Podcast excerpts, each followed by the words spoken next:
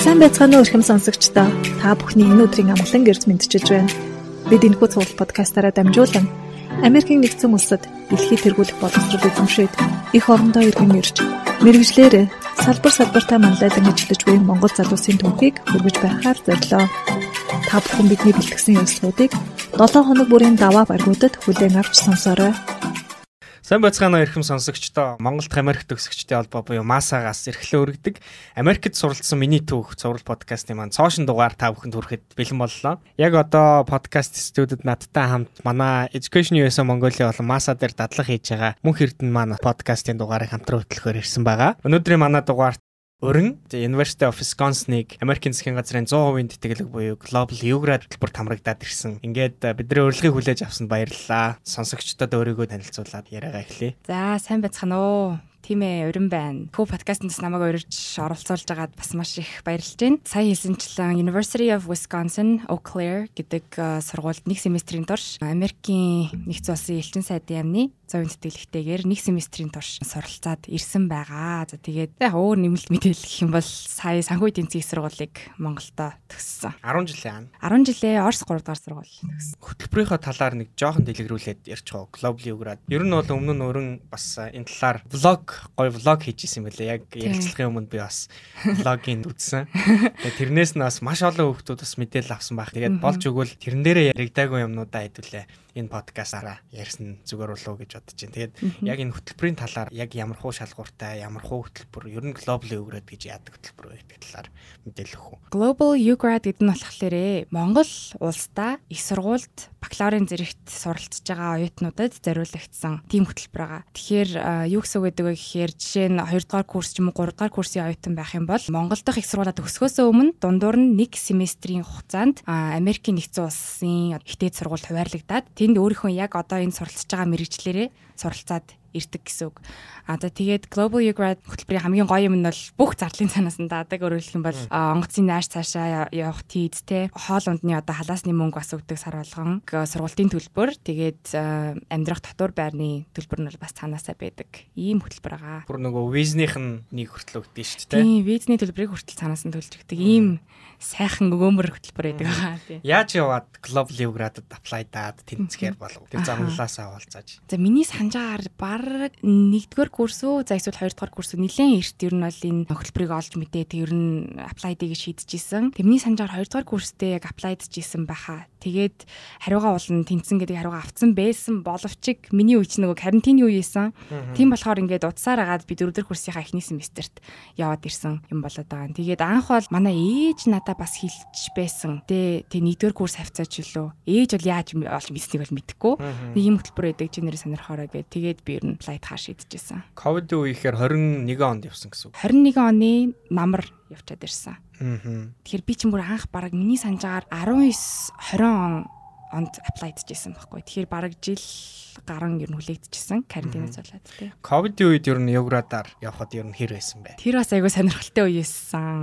Мэдээж хэрэг нөгөө онгоцоор найш цаашаа явхад бол энэ тийм дандаа ковидын PCR тест дандаа асуулгаж исэн. За тэгээд үүнээс гадна болохоор сургууль дээр бас ийм сургууль болон өөр ингэсэн дотоод журамтай байгаа тий. Маск зүүж олон болохгүй, ийм газар зүүн, ийм газар зүүхгүй, номын санд ч юм уу тий эсвэл хоолны зоогийн газараа зүүн зүүхгүй гэдэг тийм журмууд байсан. За тэгээд үүнээс гадна болохоор би нэг очоод утаагүй жахтаа өвдсөн. Аа. Маш хүнд ханиад хүрээд тэгээ би яг өөрийгөө гэж бодсон шүү дээ. Тэгээд ковидын PCR өгсөн чинь сүрэг гараад болтгоо тэгсэр нэ өөр айгу халуураад ханиалгаа тэгээд э, манай өрөөний охинд чаас хэцүү л байсан баг. Би одоо л уучлахгүймээр л хэдэг гэж.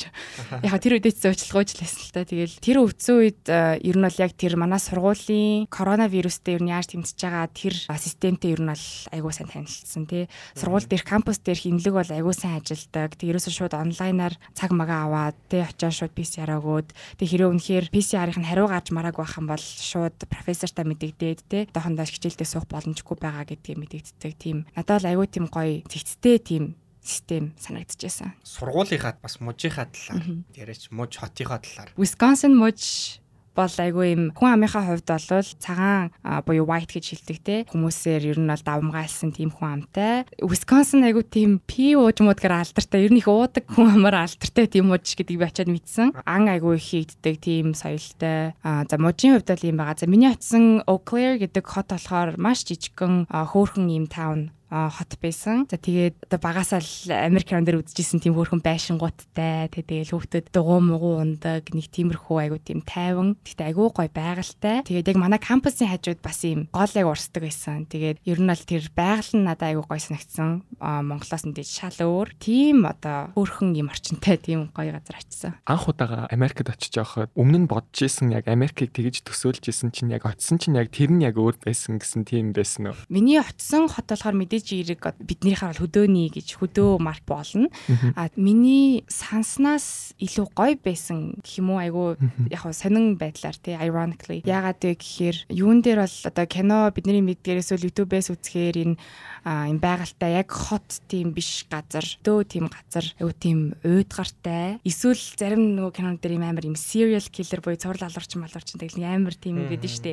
Тиймэрхүү ч юм уу? Эсвэл дан зөвхөн хөшөө хүмүүстэй гэл амар мод тартай гэж харуулж харуулж идэг. Тэгэхээр тэр тэр үед ингээд анх Oakley гэдэг хот руу явна гэдгийг мэдчихвээ бахан гуглдж байгаа байхгүй. Тэгэл за ер нь л тийм л газар очих маань. За тэгтээ сорох гэж очиж байгаа юм чинь гэж очисон. Тэгсэн чинь хөгшин хүмүүстэй гэр бүлүүд амьдардаг тийм тайван хот ч гэсэн сургуулийн кампус тэндээ болохоор ерөөсө шууд кампус дээр бүх оюутнууд бөөндөө ингээд нийлээл хамт хоолнд ороод хамт Halloween party шоунд явж байгаа эсвэл house party аявих болж малдаг. Миний төсөөл лого төрлийн тийм зугаат талтай байсан гэх юм уу. Тэгээд манай хотын хувьд бол тийм байсан. Тэрийн амралт, Thanksgiving буюу талархлын баярын амралт энэ төрөө Ballis hot, New York hot, Chicago энэ төргээд бас хэсэг жоохон аялсан. Аялахад бол тэр томоохон яг яг л ер нь төсөөлж исэн шиг л айгу гоё л байсан. Social media дээр яаж portray хийж харуулдагтай ер нь бол нилээ адилхан гоё байсан. Яагаад Америкийг сонгосон? Яагаад Америк гэж? Америк бол мэдээж хэрэг одоо Америкийн соёл дэлхийд арай амар их тархаж байна те. Тэгээд Америкчсан хүүхдүүд, Америкчсан үеийн generation-ийн хүүхдүүд аяга өсөж байна. Тэгээд тэр generation-ийн хүүхд бол би өөрийгөө мөн гэж боддог. Бараг цэцэрлэгт байх наснаасаа буюу одоо 3 4 настайгаас Cartoon Network, Disney Channel те тийм Америк хүүхэлтэй кинонууд үзэж өссөн. Тэгээд тэр соёлд аяга их дуртай болцсон байсан. Тэгээд ер нь Америк руу явах аяга л тийм хүсэлтэй зоригтой л 10 жилээсээ байсан. Юу градаас асууя гэж бодож байна. Процесс дунд нь ийм хэцүү зүйл тохиолдсон уу? Тиймэрхүү зүйл туршлага байвал алцааж. Миний яг санаж байгаагаар хамгийн яг ийм том чухал нэг э, шаардлагатай хэдэн зүйлс нь болохоор reference letter байдаг. Өөрөөр хэлбэл тодорхойлох цагтл гэх юм уу те тодорхойлох өөрийг чинь сайн мэддэг багш эсвэл ажил олгогч ч юм уу тийм хүнээс авах байсан. Тэгээд тэр бол надаа хаа очиж гайгүй байсан. Тэг сургуулийн профессор бас ажиллаж исэн газрынхаа хүмүүсээс ингээ авч исэн. Мэдээж хамгийн том юм нөгөө эсэй л байгаа шүү дээ.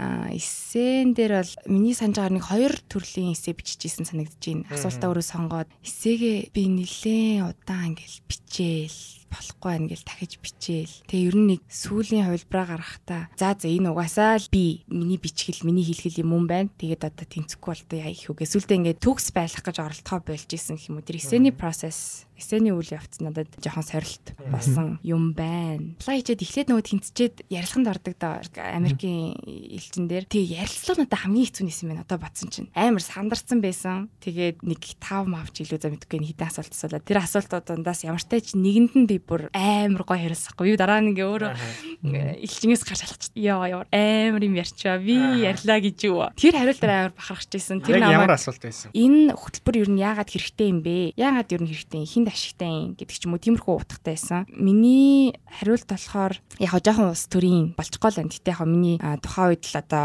бодож хариулт хариулт шүү дээ. Боловсролын систем Монголд хангалттай биш байгаа юм байна гэдгийг би ер нь 10 жилийнхаа ахлахангад ороод ч юм уу анзаарч те гадаад сурах бичгүүдээс хичээл үзэж эхлээд гэсэн үг. Тэгээ харьцуулаад Монголын боловсролын систем ер нь бол нэлийн сайжруулах хэрэгтэй юм байна гэж анх мэдчихсэн. Одоо Монголын боловсролын систем хэрвээ сайн биш байх юм бол сургуулиудаас чинь хангалттай боловсролтой биш том хүмүүстэй насан турш хүмүүс боловсрогдож гарч ирж байна гэсэн үг шүү дээ нийгэмд. Тэгэнгүүтээ нөгөө талдаа болохоор төрөөс боловсролд ягаад ч юм томоохон улсууд шиг хангалттай их төсөв зарцуулж чадахгүй байна. Тийм болохоор улсын систем тийм ч сайн биш. Тэгэхээр тэндээсээ сайн боловсралтай хүмүүс гарч чадахгүй байгаа. Тэнгүүд эргээд тэр сайн боловсралтай гараагүй одоо төгсөөгүй гэсэн үг шүү дээ. Хүмүүс маань эргээд саналаа өгдөг. Тэгэхээр өөртөө хангалттай бас сайн боловсрсан мэдлэг, туршлага, чадвараа ингээд дэлхийн стандартанд өндөр хэмжээнд авч чадаагүй хүмүүс учраас бас төрийн хувьд ч тэр тэ боловсрал нь тутмаг байдаг. Тийм учраас эргээл дахиад боловсролын системийг дэмжихгүй хүмүүсийг төрд гаргадаг. Тэгэхээр ингээд ийм vicious cycle, vicious circle гэж ярьдаг шүү дээ. Ийм ерөөсө дуусашгүй ийм тойрог болчиход байгаа. Тэгэхээр ийм системийн ийм тойргийг эвдэхийн тулд эн чин гаднаас ямар нэгэн юм орж ирэх хэрэгтэй тий. Тэгэхээр тэр гадаадын боловсролын систем дунд нь ороод суралцах, мэдлэг чадвараа сайжруулах, тэдний туршлагаас хуваалцах ийм боломж гаргаж өгч байгаа нь энэ бүр зөвхөн нэгэн хүн надад биш. Энэ улсын хэмжээнд миний community, миний нийгэмд аягүй тийм ашиг тустай хөтөлбөр гэж харуулж ирсэн юм аа гэж. Тэгэхээр дараа дараа нь Юград материалаа өгөхөөр төлөвлөж байгаа хүмүүс бас шипээ авч болох юм. Иймэрхүү хариулцаад юм тэнцчт юм байна гэсэн тий. За айгүй болохгүй миний хариултыг дахиад автчлаа гэж эсрэг авахгүй гэж магадгүй шүү. Флэшер хийсэн буюу нөгөө копи дэх хүний бусдын материалыг ашиглах юм бол теста байж болохгүй. Хэрвээ ийм байх юм бол ер нь Америкийн засгийн газрын тэтгэлэгч хэлтгүй Америкийн ихтэй сургуулиудаас шууд тэнцээгүй гэсэн ийм хариунуудыг авах шалтгаан болдог шүү. Ер нь манай сонсогчд маань бас давхар мэдчихвэл зүгээр байх. Ямар ч өршөөл байхгүй plagiarism гэдэг. Тийм ямар ч өршөөл байхгүй.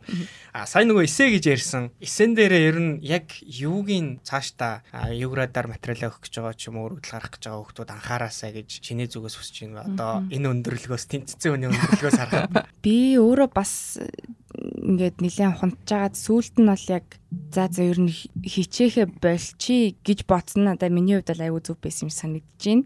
Тэр бол яг гэхдээ зөвхөн миний л энэ эсэ бичих гэдэг ажилд хандсан хандлага шүү дээ. Бас хүмүүс янз янзаар бичиж болно. Би бол хувьдаа яг өөрөө тэр асуултанда юу гэж чин сэтгэлээсээ хариулмаар байгаа. Тэгээ тэр бодох явцад чинь те жишээ нь нэг асуулт байлаа гэхэд за би энэ дээр ингэж хариулна гэж бодож байна. Тэнгүү тэр чинь хангалттай биш санагдаж магадгүй. Тэгэхээр тэр өөрийнхөө хариултыг дотроосоо олно, гаднаас хайна. Нь бол миний хувьд тэр эсэ бичих явцал айгуу тийм хувь хүнийхээ хувьд өөрийгөө ч гэсэн айгуу олох процесс үйл явц болсон гэж одоо санагдаж байна. Тэр үед бол огт мэдхгүйсэн. Тэгэхээр ер нь бол зөвхөн эсэ бичээд би энийг бас айгуу олоод хэлжсэн. Зөвхөн эсэ бичих, зөвхөн Америкт дэлэг тэнцэх те зөвхөн Америкт сургууль сурах гэсэн зорилготойгоор биш. Ер нь би юу хийх гээд байгаа? Юу? Ер нь би амьдралаа юу хийстэй хүн блэ яа юу хүсэж байгаа блэ гэдгээ дотор дотроо айгуу сайн ухаж бодсон бодож ер нь би биччихсэн тэгэхээр энэ зөвлөгөө бол над дээр бол хэрэгжсэн тий тэгэхээр энээс бас санаа авч тий хэрэгжүүлж болно шүү. Подкаст сонсож байгаа хүмүүсийн бас мэдэж байгаачлан өрн ихч маар YouTube хөтлөөд хүмүүс олон видео хийгээд өндөө их зүйл байдаг шүү дээ. Яг энэ дээр ингээд анх YouTube эхэлж байхад хүмүүсийн хандлага нь ингээд мэдрэгддэг шүү дээ. Ингээд нэг хүмүүс юу хүсээд байгаа нь ингээд мэдрэгддэг. Эндээс яг анх ингээд видео эхэлж байхад хүмүүсийн энэ Америкт сурах хүсэл эрмэлзэл ч юм уу эсвэл таны дөрөвний хэлсэн боловсролын салбар дээр яг ямар тийм хандлага танд мэдрэгдсэн бэ? Ерөнхийдөө масаараа иймэрхүү мэдээлэлээр иймэрхүү контентээр ч юм уу цангасан юм шиг мэдрэмж надад төрж исэн тухай үед хүмүүсийн хандлагаас харахад. Тэгээд эерэг хандлагууд илүү давмгаалж исэн. Тэгээд мэдээж ямар төрлийн контент гаргахад баахан хэсэг нь ер нь бол сөрөг хандлага бол байдаг. Тэгээд би яг үнэндээ бараг сөрөг хандлагыг бас нэгсэн санахгүй нь өөрөө бас хүн дээр хүлээж авах гэж магадгүй л. Ер нь бол айгу тийм хүсэл ирмэлцлээ илэрхийлсэн хандлагууд айгу харагдсан. Би ингэж сурмаар байна. Яаж ингэж сурах уу? Энэ ямар хөтөлбөр юм бэ? Би яаж тэнцэх юм бэ? Англи хэл яах уу? Гой бахархсан ч юм уу те. Ямар мундаг юм бэ? Яаж ийм олон зүйл амжуул амжуулж байна? Эсвэл миний санаж байгаа нэг юм. Би ч гэсэн Америкт сурж исэн. Гэтэ ийм олон юм юусаа амжуулж байгаагүй ийм олон газар үзэж байгаагүй ямар гоё юм бэ тэгдэг байж мэж гэсэн бас сэтгэлүүд явж исэн. Тэгэхээр ерөнхийдөө л айгүй тийм эерэг хандлага үүссэн нь эргээд надад энэ Америкт суралцсан experience буюу туршлагыг маань надад айгүй тийм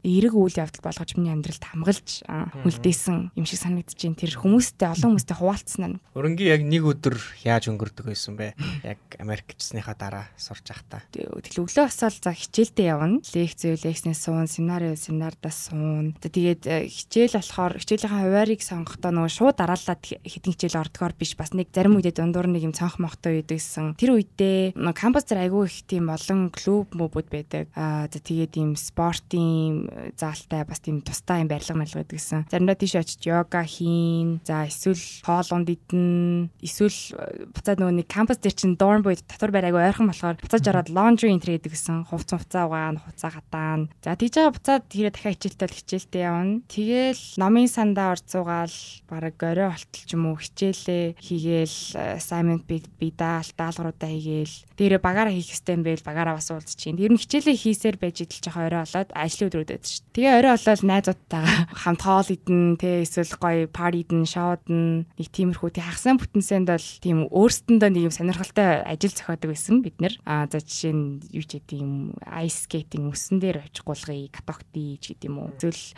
энд ийм шинэ музей гэдэг гэсэн ийшээ очиж үзье. Нэг тиймэрхүү л байдаг гэсэн. Америкийн оюутнуудын парти хийх арга барил Монгол оюутнуудын парти хийх арга барил юу нь өөр байна? Тэрийг асуумаар санагдлаа. Нэгдүгээр house party гэдэг зүйл айгүй том Америкийн соёл байдаг шүү дээ бид бүгдээ үздэг. Тэгэнгүүт тэр house party ер нь л үзэх нэг өөр, яг өөрөө очих нэг өөр л идэм билээ. Яг тийм үдшилэг шоу те парийн дээр очиод тэр хүмүүсийн хоорондын харилцааны соёлыг нь би бол ихний нэг сар бараг 2 сар ойлгоогүй би чинь 4 сар байсан шүү дээ. Тэгэнгүүт э, нилээн ингээс ойлгож чадахгүй тий одоо жишээ нь тийм Монголд э, шоудад гарлаа гэхэд нэг юм зориг нь ойлгомжтой байдаг шүү дээ. За бүгдээрээ гоё мэдээж ажил хичээлхэн стрессийг гаргаад уuna. За тэгингээ амьдралдаа тохиолдож байгаа өөрсдийнхөө ховж ив сайн сайхан очныг ярина. За эсвэл ойр татныхаа хүмүүс болсон юмнуудыг ярина. За тэг ирээдүйд юу их чагаа ярина. За эсвэл э, юм ярихгүй гэх юм бол гоё хувцлаад ганган харагдана. Тэгээд гоё бүжиглэн тэгээд магадгүй нэгэн сайхан залуу эсвэл бүсгүүдэд танилцсан. За нэг тиймэрхүү байдаг те. Тэгэнгүүт Америкт ч би яагаад хүмүүс шоуд яг ямар зорилготой ингээ паридад байгаа юм гэхлээр ойлгохгүй заяа. Нэг юм сонин ингээл бүгдээрээ ингээд амар юм гэрийн хувц мувцтай тэгэл хинч тоохгүй гэрээ устгаа гадуур гудамжинд явж бол тэгэл тавчтайгаа гарч алхаснаа ингээд тэнц чи ямар дэлгүр байдаг лаа. Тийм дэлгүрлөгөө очиад бүгдээрээ нэг юм 6 6-тай пив аваад а бас нэг нэрээ сонирхолтой юм нь хаус парийн дээр очихдаа хүн заавал өөрийнхөө уух хэвээр уух юмыг л өөрөө авч авчирна гэсэн. Тэгэхээр тэнцээ нэг хост нэг зохион байгуулж байгаа бүгдэнд айлна гэсэн юм байхгүй. Тэр нь айгуу гойсон нэгц. Амар их тоглодог байсан. Beer pong тоглодог. Тэгээ ширээний нөө тенсний юм жижиг бөмбөг пивтэй аяаргуу ингэж онч оруулдаг. Тоглоом айгуу тоглодог. Тэгээ тэр нь надад бас айгуу юм гоё санагцсан. Ягаад тэгэхээр зүгээр уугаал гоё харагдаад эсвэл бах юм ярих бол тэр бол мэдээж бас гоё. Би яг үнээр дуртай л та. Гэтэ заримдаа бид нар бас ингээд чөлөө цаг өнгөрүүлэхдээ тийм сонирхолтой activity хийх бол аюу тийм engaging гэж ярьдэн штэ хүн болгон оролцоотой байдаг. Тэгэхээр хүмүүс хоорондоо танилцах үйл явц аюу хурдан байдаг. Тэгээд айгуу тийм зугаатай. Тэгээ дээрэс нь юм жижигхэн тоглоом спортууд бол би хаач хөдлөгчин тэгээ хөгжилтэй. Тэр соёл нь бол надаа Монголын шоудлтын соёлоос нэлээд ялгаатай санагдчихсан. Ер нь сургууль сургуулиасаа шалтгаалаад партинуудаас арай өөр өөр байгаад байгаа шиг байна. Аха зарим сургуулийн сургуульд яваад ирсэн хүмүүсээс хаус парти асуухаар них явж байгаагүй штэ гэдэг байхгүй. А зарим э, хүмүүс нь бүр өстө байнга 7 хоног болгон баг Friday болгон болдог гэдэг байхгүй. Тэгэхээр сургууль нь хаана байна гэдгээсээ шалтгаалаад бас арай өөр өөр байгаа шиг байна. Жишээ нь миний сурч исэн Utica коллежид бол яг ингээд хүмүүс нь хүүдийн өмсөөл. Тэгэл хичээлдээ яваал ингэж ийсэн аа гинт тавтахын орой болохоор бүгдээрээ гоёол нүүр мүрэ боддгоо огцод нүүрээ бодчаал ирдэг байсан байхгүй. Өөрсдийнхөө уух юмыг танаа сургуульд бол өөрсдөө авч шít те. А манад болохоор яг нөгөө нэг зохион байгуулагчтай одоо тэдний бүлгийнхээ ингээ зохион байгуулчих юм уу. Тэгээд 7 7 хоногоор ингээ ингээ авчдаг байсан. Тийм байна. Тэгээд парти хит яриад яах вэ? Аа ер нь Америкт байхад сорилттой зүйлтэй тулгарч ирсэн үү? Аа мэдээж тулгарч байсан. За нэгдүгээрт бол ер нь хамгийн түрүүнд ярмаар байгаа зүйл бол хичээл байна academics. Аа би хичээлийнхаа талаар ер нь явахасаа өмнө тэр дөнгөж очиоч тэр дандаа айгуу тийм сандралтын байдалтай байсан яана би чадах уу тий гэсэн тийм байдалтай. Би чинь санхүүгийн удирдлага мэрэгчлэр Монголдо сурч исэн. Тэгээд UWEC болохоор finance гэдэг мэрэгчлэр сурсан. Яг санхүүгээрээ. Тэгээд санхүүгийн Монголдо сурч исэн. Тэгээл ингээл онцтой аваад яваад байдаг. Тэгснээ бас ингээл англи хэл аягүй сайн, мэл төр өндөр оронтой. Тэгсэрнээ яг санхүүгээ англи хэл дээр сурж байгааг үгдэж аягүй хэцүү. Тэрнэр аягүй сандралтын байдалтай. Гэвч яг хичээлдээ суугаад эхлээл би нэг 5 хичээл үзсэн юм а. Тэрний дөрөв нь айгу гайгүй байсан. Айгу тийм гайгүй ойлгомжтой. Нэг хичээл нь миний сонгосон нэг хичээл нь болохоор investment strategy буюу хөрөнгө оруулалтын стратеги гэдэг юм агсан төвшний анги байсан. Тэгээ тэнцээ бүр ингээд тухайн их сургуультаас суралцдаг оюутнуудаасаа дахиж нэг аппликейшн аваад хүүхдүүд аплайдаад тэндээсээ шалгаруулж тэр ангид тэнцүүлдэг анги. Би одоо тэр нь тэнцэж мэдсэндээ ихэд амар гайхажсэн. Тэгээд баярлсан ч гэсэн амар сандарчсэн. Тэр ангидаа орсон чинь нэг ч эмхтэй хөхтэй байхгүй. Санхүү болохоор ер нь бол Америкт ч тийм байт юм уу те эрэгтэй оюутнууд давмгаа. А тэгсэн чинь нэг хоёр өдрөөс нь жилээ нэг өөр охин орчихсон. Тэгээ би тэр хоёулах нь хоёр охин байдаг гэсэн. Тэгээл ихний жил дээр суусан чинь амар амар юм яриа л заяа ёо. Би бүр ингээд catch up хийж ойлгож чадахгүй, гүйцэхгүй тэгээ айгу хэцүү байсан. Тэгтээ тэгээ тэр хичээл дээрээ би хамгийн ер нь бол их төвлөрч ажилласан. Тэгээ тэрэн дээр юм stock pitch competition буюу юм хөрөнгө оруулалтын шинжилгээгээд ямар нэгэн компани хувьцаан дээр тэгээ тухайн хувьцааг худалдаж авах уу эсвэл зарах уу гэдэг ийм дүгнэлт гаргадаг ийм тэмцээн байдаг. Тэр тэмцээнд оролцоод тэр тэмцээнийхаа туршид бүр өдөр алгаа ингээд дотор байранда хувц хувцаа угааж явахдаа эсвэл ингээд өрөөгөө цэвэрлж явахдаа ингээд pitch буюу презентацаа бэлддэг гэсэн хэлтгэлээ. Тэг бүр ингээд цээжилтлээ амар их бэлддэг. Тэгээд бэлдэж бэлдэж байгаа багш бол манай Мейсон гэ манай багийн оюутан банд байсан. Мейсон битэрийг айгуу сайн байна. Ер нь баг нэг дээр барь орох магадaltaй гэж амар тэгсэн. Тэгээ би бүр амар баярлалаа. Тэгээ яг жинхэнэ тэмцээн дээр 2 дахь яринд орсон байт юм. Тэр бол миний хувьд айгуу тийм том сорилт байсан. Гэтэ дараа нь бол мэдээж айгуу гоё мэдрэмж авчихсан. Тий. Мгм. Монголд сурж байхад Монголын их сургуулийн багш сурагчийн хоорондох харилцаа, судалгаа хийх арга замууд, Америкт байгаа профессорууд болон сурагчдын хоорондох харилцаа юугаараа өөр байсан бэ? Ерөнхий утгаар бол нэг том ялгаа байхгүй. Э, босод мэдээж хэрэг Монголын их сургуулиуд ямар байдгийг мэдэхгүй ч гэсэн санхүүдийн засгийн их сургуульд бол багшаас зөвлөгөө авах цаг байдаг тий. Тэр бол Америкт office hours гэж нэрлэдэг. Тэгээ очиод багшаас зөвлөгөө авах боломжтой хичээлээс ойлгоогүй юм байх юм бол нэмэлт юм байх юм бол асуух боломжтой. За тэгээ мэйлээр харилцах юм бол мэйлээр хариуг нь өгдөг. Ерөнхий ерөнхий зарчмаараа бол нэг тийм том ялгаа байгаагүй. Яг түрүүн хоёлаа нөө plagiarism гэдэг нэг хальт ярьсан шүү дээ. Тэр асуудал бол маш ийм ноцтойгоор хүлээж авдаг ийм асуудал байсан нь надад аюу гой санагдчихсан. Өөрөөр хэлбэл а, өөр хүний судалгааны ажил намнаас хуулж болохгүй. За тэгээд а, өөр хүний гэдэг нь бүр ингээд ангийнхаа хүүхдийн даалгаврыг хуулж болохгүй. За тэгээд тийм тохиолдол ер нь л баригдах юм бол ингээд тухайн assignment би даалгав би даалт эсвэл шалгалтын оног тэгэлж мэгэлдэг тийм журамтай байсан манай сургууль. Тэгээд тэр нь нэлээд одоо challenging хэцүү ч гэсэн надад эсэргээрээ эн чин боловсролынхаа хувьд бол айгу өргөжтэй санагдчихсан. Чилийн хувьд хэр шахуу, хэр ачаал ихтэй байсан бэ? Таван хичээл сонгоход бол яг л давгүй байсан. Өөрөөр хэлбэл одоо social амьдрал те нийгмийн амьдрал э, хичээлийн академик амьдрал хоёроо хоорондоо ингээд тэнцвэртэй аваад явах боломжтой байсан. Аа тэгээд хичээл хичээлээсээ бас арай ондоо. Хичээл чинь нөгөө difficulty хэр хэцүү гэдэг төвшнөрөө яатсан кодлогч кодлогдчихсан байдаг шүү дээ. Тэгээд тийм өндөр кодтонууд нь мэдээж айгүй хэцүү. Тэгээ миний тэр сонгосон нь бол айгүй хэцүү хичээлсэн. Босд нь гайгүй. Надад бол айгүй decent тагүйсэн. Манай үеийнхний байгүйг асуудаг асуултууд байдаг л та. Америк руу сурах юм бол, сурах гэж үзэх юм бол хаанаас эхлэх үү гэдэг. Тийм асуулт бол угаасаа та ч гэсэн авч исэн баг. Тэр асуултанд та юу гэж хариулах байсан бэ? Хаанаас эхлэх вэ гэдэг асуултанд. Тэгээд юу сурмаар байгаагаа тодорхойлчвал зүгээр ээж магадгүй. За хэрэв юу сурахаа бүр үнэхээр бүр ингээд үнэхээр ямар мэрэгчлээ сурахаа мэдгүй байгаад байх юм бол ямар газар очимоор байгаа гэдэг локейшнээ сонгож болно. Би заавал ингээд LA-д сурмаар байна гэх юм бол тэр элит байгаа сургуультай судалж эхэлнэ шүү дээ. Тэд нэр тэгээ юу заадیں۔ гэж эхэлнэ. Ер нь бол би эхлээд өөрөө юу хиймээр байгаа те тэр мэрэгчлээ ядаж төхөөлж сонгоод тэнгүү тэр мэрэгчлэр чинь хамгийн давгүй те сайн хэлбэрүүд санал болгодог тийм их сургуулиудаа хайна. Тэр их сургуулиудаа хайж олсныхаа дараа тэр их сургуулиудынхаа вебсайт руу нороод бүх юмыг судална гэсэн үг. Яг энэ мэрэгчлэр сурахад ямар эдийн юу заадیں багш нар нь ямар эдийн дорм нь ямар ингээл зураг мураг map зав газрын зурагтай бүгдээрээ вебсайтн дээр байж идэг. Тэгээд чамд таалагдж гинөө, таарч гинөө те. Тэг ингээл таалагдсан тасаал явах нь шүү дээ. Таалагдсандаа сонгочоод эднэрт apply дээр тэнцгийн тулд юу хэрэгтэй юм гэдэг requirements гэдэг шалгууруудаа харна. Тэгэл тэднэрийгээ бэлтэн дээ. Ер нь Америкт сурна гэдэг бол яг төлөвлөгөө гэдэг байгаа шүү дээ. Тийм. Төлөвлөгөөгөө маш сайн хийж чадах юм бол тэгээ тэрийгэ дагж чадах юм бол ер нь Америкт сурах боломж хүн болгонд байдаг шүү гэдгийг бас сонсогчд маань мэдээд аваасаа гэж хүсэж байна. Өрнгийн хувьд яг Америкт сурж байхад хамгийн сайхан энэ л байсан юм да гэсэн тийм үч байсан бол одоо санаанд орж байгаа нь эсвэл яг онцолж хэлмээр байгаа. За мэдээж Нью-Йоркийн аялал байна. Тэгээд Нью-Йоркийн аялал дотроосоо надад Met Museum музей маш өндөр сэтгэл төрүүлсэн. Ер нь бол найзуудтайгаа хийсэн activity, очисон ивент, явсан аялал болгон маш гоё байсан. Би төрс өдрөө бас найзуудтайгаа Minneapolis явж тэмдэглэсэн. Тэгээд ер нь хамгийн үнэтэй зүйл нь яг найзууд л байсан. Яг тэр энэ аяллаа хувьд. Найзуудтай болоход ер нь хэр хүнд байсан бэ? Өмнө нь бас манай Америк төгсөгчд ингээ уулзаа ярьж байхад TOEFL-ийн өндөр оноо аваа явсан ч гэсэн найзуудтай болтлоход айгүй хүнд байсан. Цуврал моврал үзэж хагаад, Friends энтрийг үзэж хагаад тэгээд тэрвэр нь ярьсан чи яг ойлгоход гоё байгаад лээ.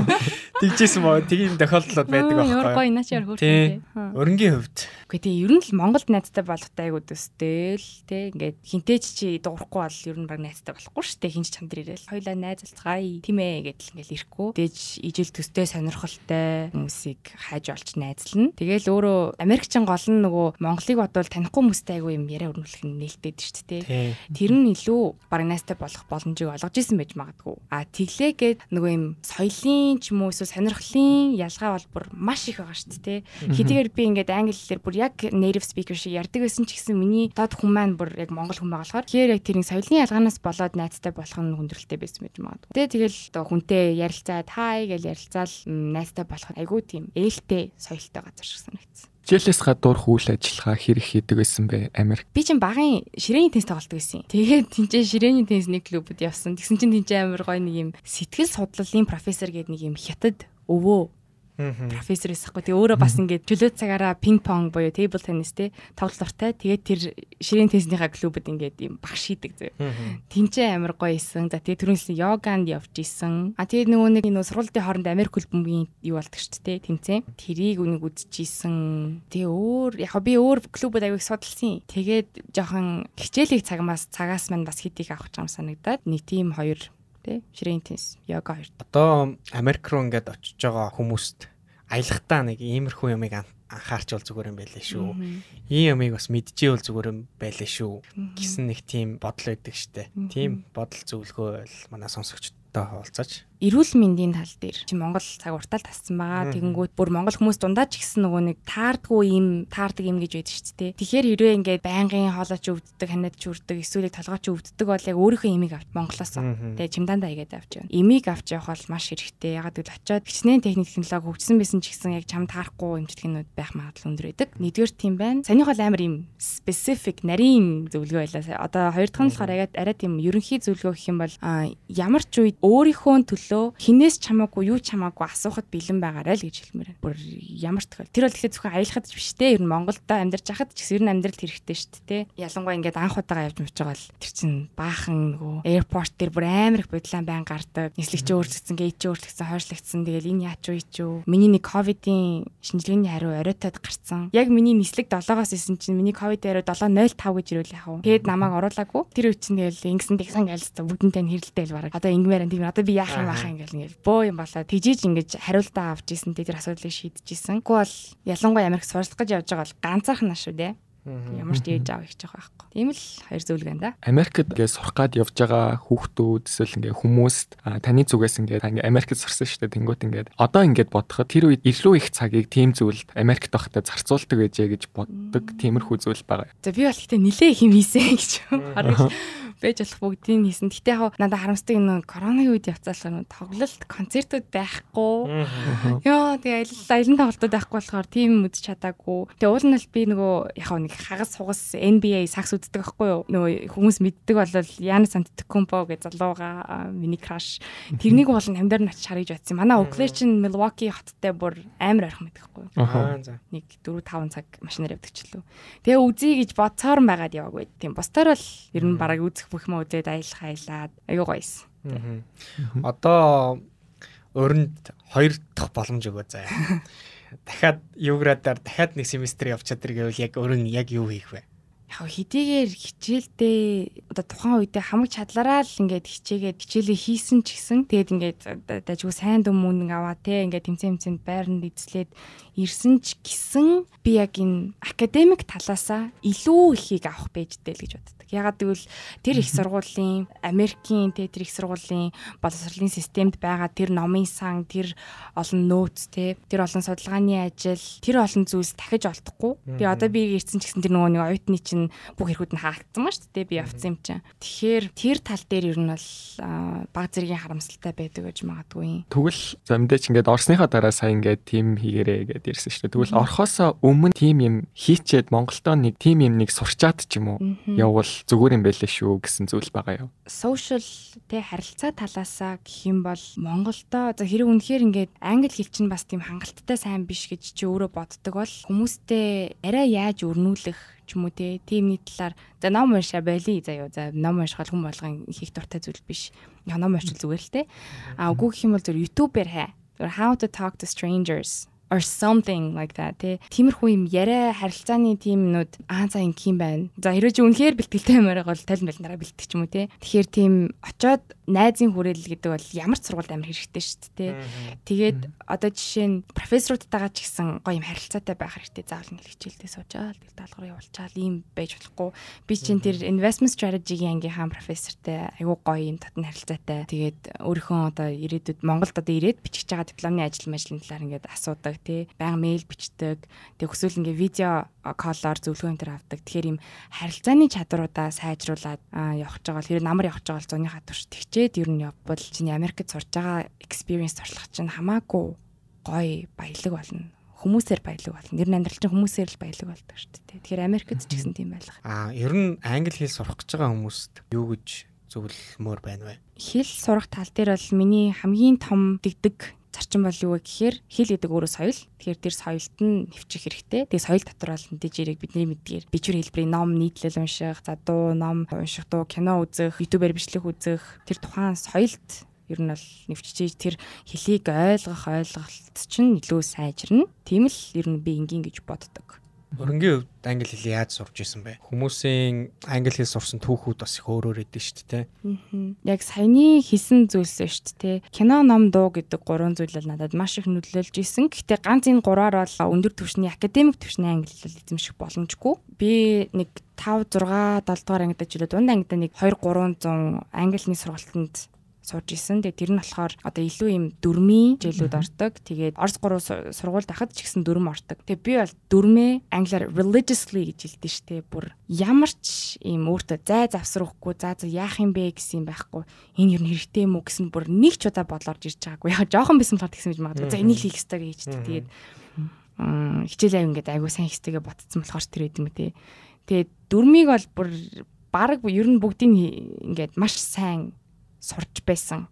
Ингээд амар олон дасгалууд хийдэж штт те дөрмөө үзэл тэгэл ингээл араас нь хэдэн зуун exercise хийдэг тэрийг бүгдээр ингэ нийцсэн те дөрөн дээр нэмээд тэр соёлын контентууд ч орж ирээд нэр нийлээд бол ер нь айгүй тийм гоё цогц англи хэлний чадвар болж өгнө. Миний бол сурсан түүх нэг тиймэрхүү. Америк явхаас өмнөх уран тэгээд Америк явсны дараа Монголд одоо байгаа уран хоёр яг юугаараа ялгаатай байгаа вэ? Яг юу нь хамгийн их өөрчлөгдсөн гэж боддөг вэ? Том хүн болсон. Брэжинээс. Насандаа бол биш юм бэл. Би чинь 19 өстэй байсан гэсэн үг үү те явах та.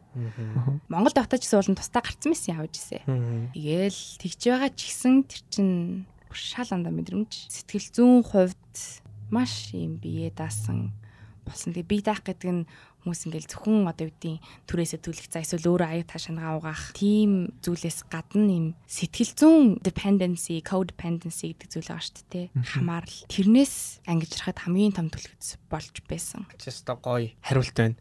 Ягаад гэвэл ер нь гадагшаа явж сурж байгаа Америкч гэлтгүй ер нь хаашаач явж сурж байгаа хүмүүсийн хувьд асар бие дааж сурдаг өөр өөрийнхөө л явахгүй болохгүй.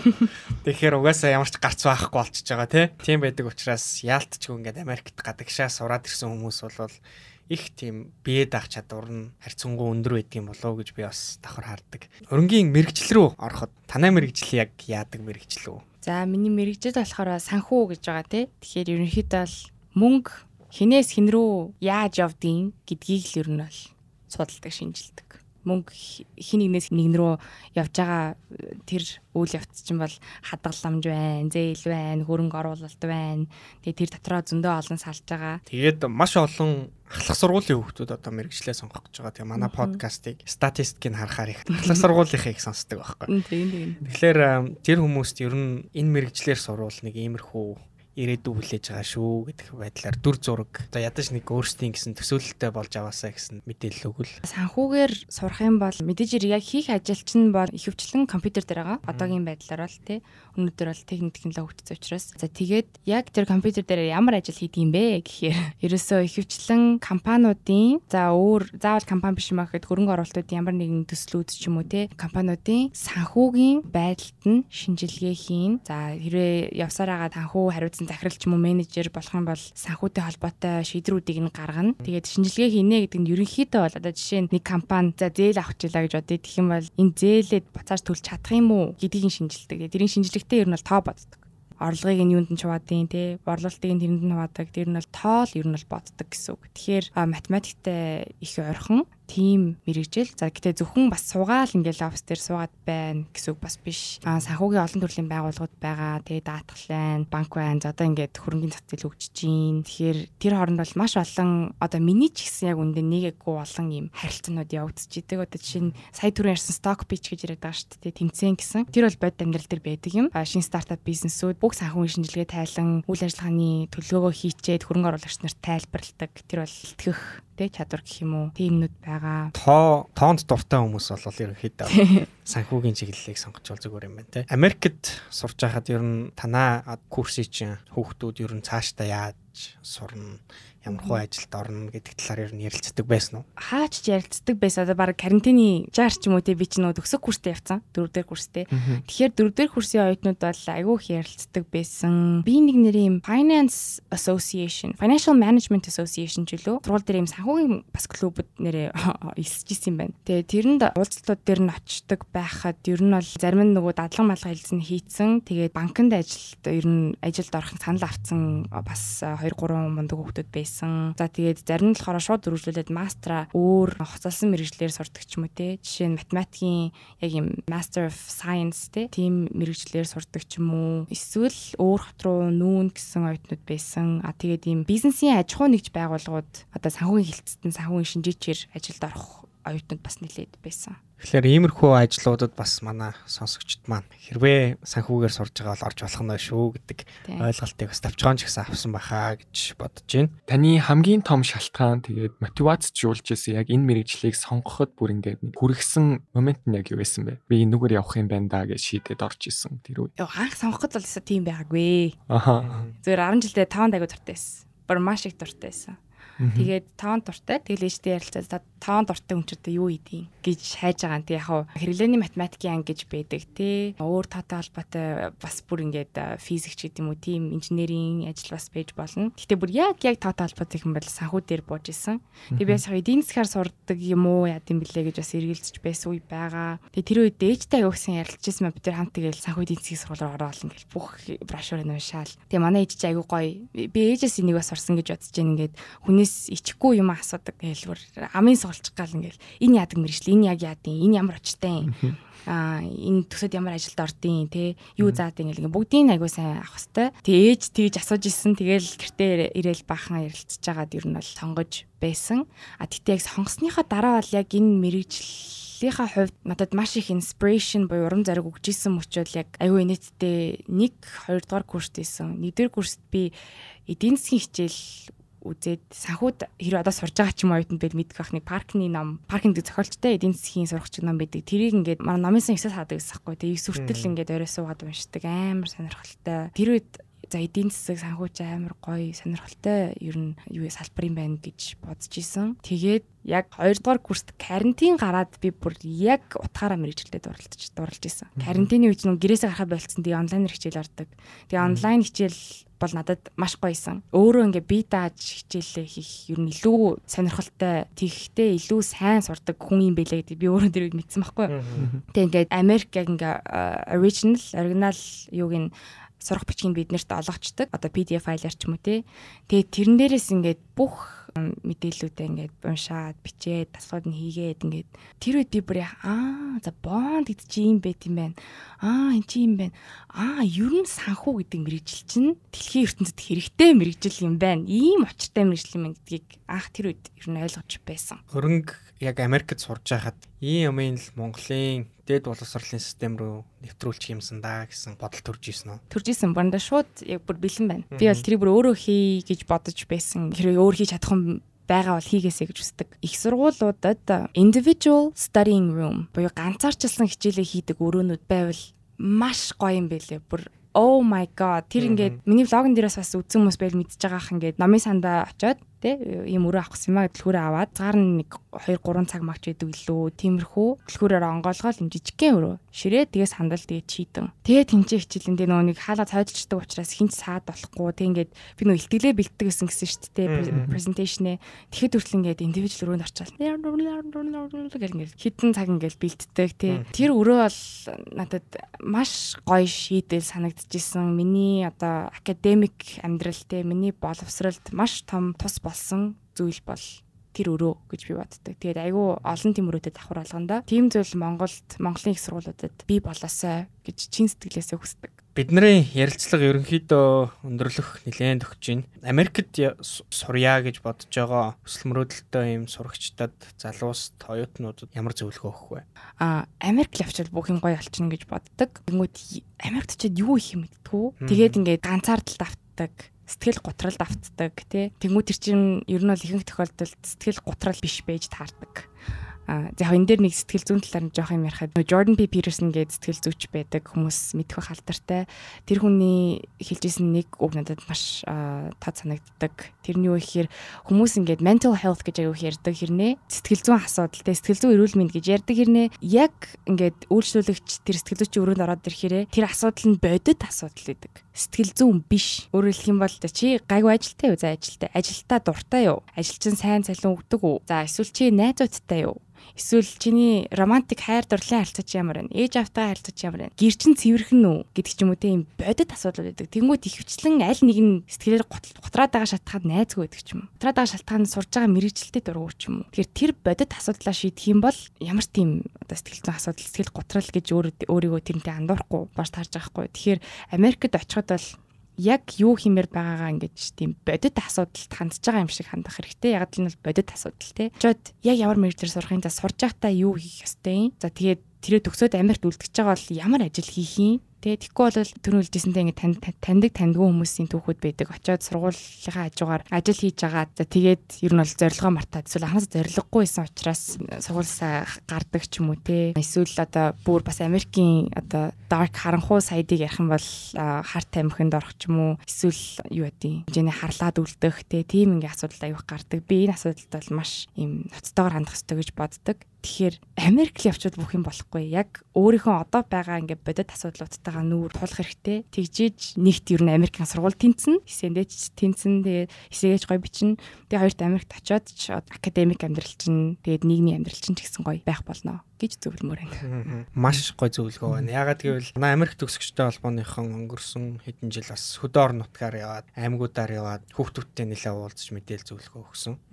Тэгээ ингээ хүүхдүүдтэй уулзаж яхад хүүхдүүдийн одоогийн тэр харж байгаа мөрөөдлийнх нь цар хүрээнд Америк явах гэсэн байгаа байхгүй. Мөрөөдөл. А гэтэл Америк явна гэдэг чинь амьдралын зүгээр л нэг гიშгүүр гэдгийг маш сайн ойлгох хэрэгтэй. А тэгээд тэрэндээ Америкийг мөрөөдөл гэж бодож яваад байлгүй. Яг бодиттой сая өрнгийн хэлснээр алхмууд аваад яг хаашаа явах юм те яг хизээ явах яг яах юм? Гэдгийг бүр тодорхой болгоод байх юм бол ер нь тишгүй юм шиг бодогдож байгаа зүйлс ч ихсэн. Бүтэж болдгоо гэдгийг маш олон одоо Америкт өсөгчд маань түүхээрээ харуулсан байгаа. Тэгэхэд нэг маш гоё томьёолж хэлж өгсөн өрөндөө баярлалаа. Аа баярлалаа. Тэгээд энэ подкастын хамгийн сүүлийн асуултыг танаас асуугаад дуусгая. Энэхүү подкастын дараагийн подкаст дээр Америкт төгссөн хин нэг нэг ураараа гэвэл энийг урахыг хүсэж байгаа вэ? Надтай хамт Монголоос явсан Тэмүүлэн гэж охин байгаа. Яг тэр жил Юградын хөтөлбөрөөр явсан. Тэг бид дээр Америкт бол огт уулзаагүй. Гэсэн өөрөөр хаттайс болохоор гэтээ хөтөлбөр дуусгаад Монголдо ирээд бас жоохон би бинийхээ туршлагаа суваалцсан. Тэгээд Тэмүүлэнгийн туршлага бас шал ондоо байсан юм бэлээ. Нөөр, сургууль нөөр тэгээ тэгээ аялсан газрууд нь маш өөр. Жоохон цохос болоход одоо би жишээ нь өвөл баг те Thanksgiving үеэр чинь ингээд хүүтэн цастай үед Нью-Йоркт хүүтэн газар очисон байхад ингээд Тэмүүлэн Хавайд очисон гэж байгаа байхгүй юу? Аа Тэгээ ер нь л айгуу сонирхолтой түүх болж магадгүй гэж бодоод тэмүүлэнгэр мэрэн. За баярлалаа. Ингээд бидний урилгыг хүлээж аваад өөрийнхөө Америкт сурсан түүхээсээ хуваалцсан өрөндөө баярлалаа. Цаашдын ажил,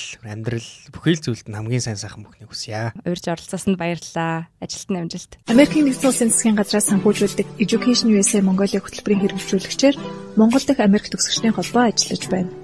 Та Америкт ихтэй сургалт хэрхэн суралцах тухай цогц үнэн зөв мэдээллийг үн төлбөргүй авахыг хүсвэл Education USA Mongolia хөтөлбөрийн боловсролын зөвлөгөөдөд хандаарай. Бидэнтэй холбогдох хүсвэл www.masa.org-ийн цахим хуудасаар хандж болохоос гадна Facebook, Twitter, Instagram дээр Education USA Mongolia дагаарай. Ирэх даваа гарагт иргэн уулзлаа түр баяртай.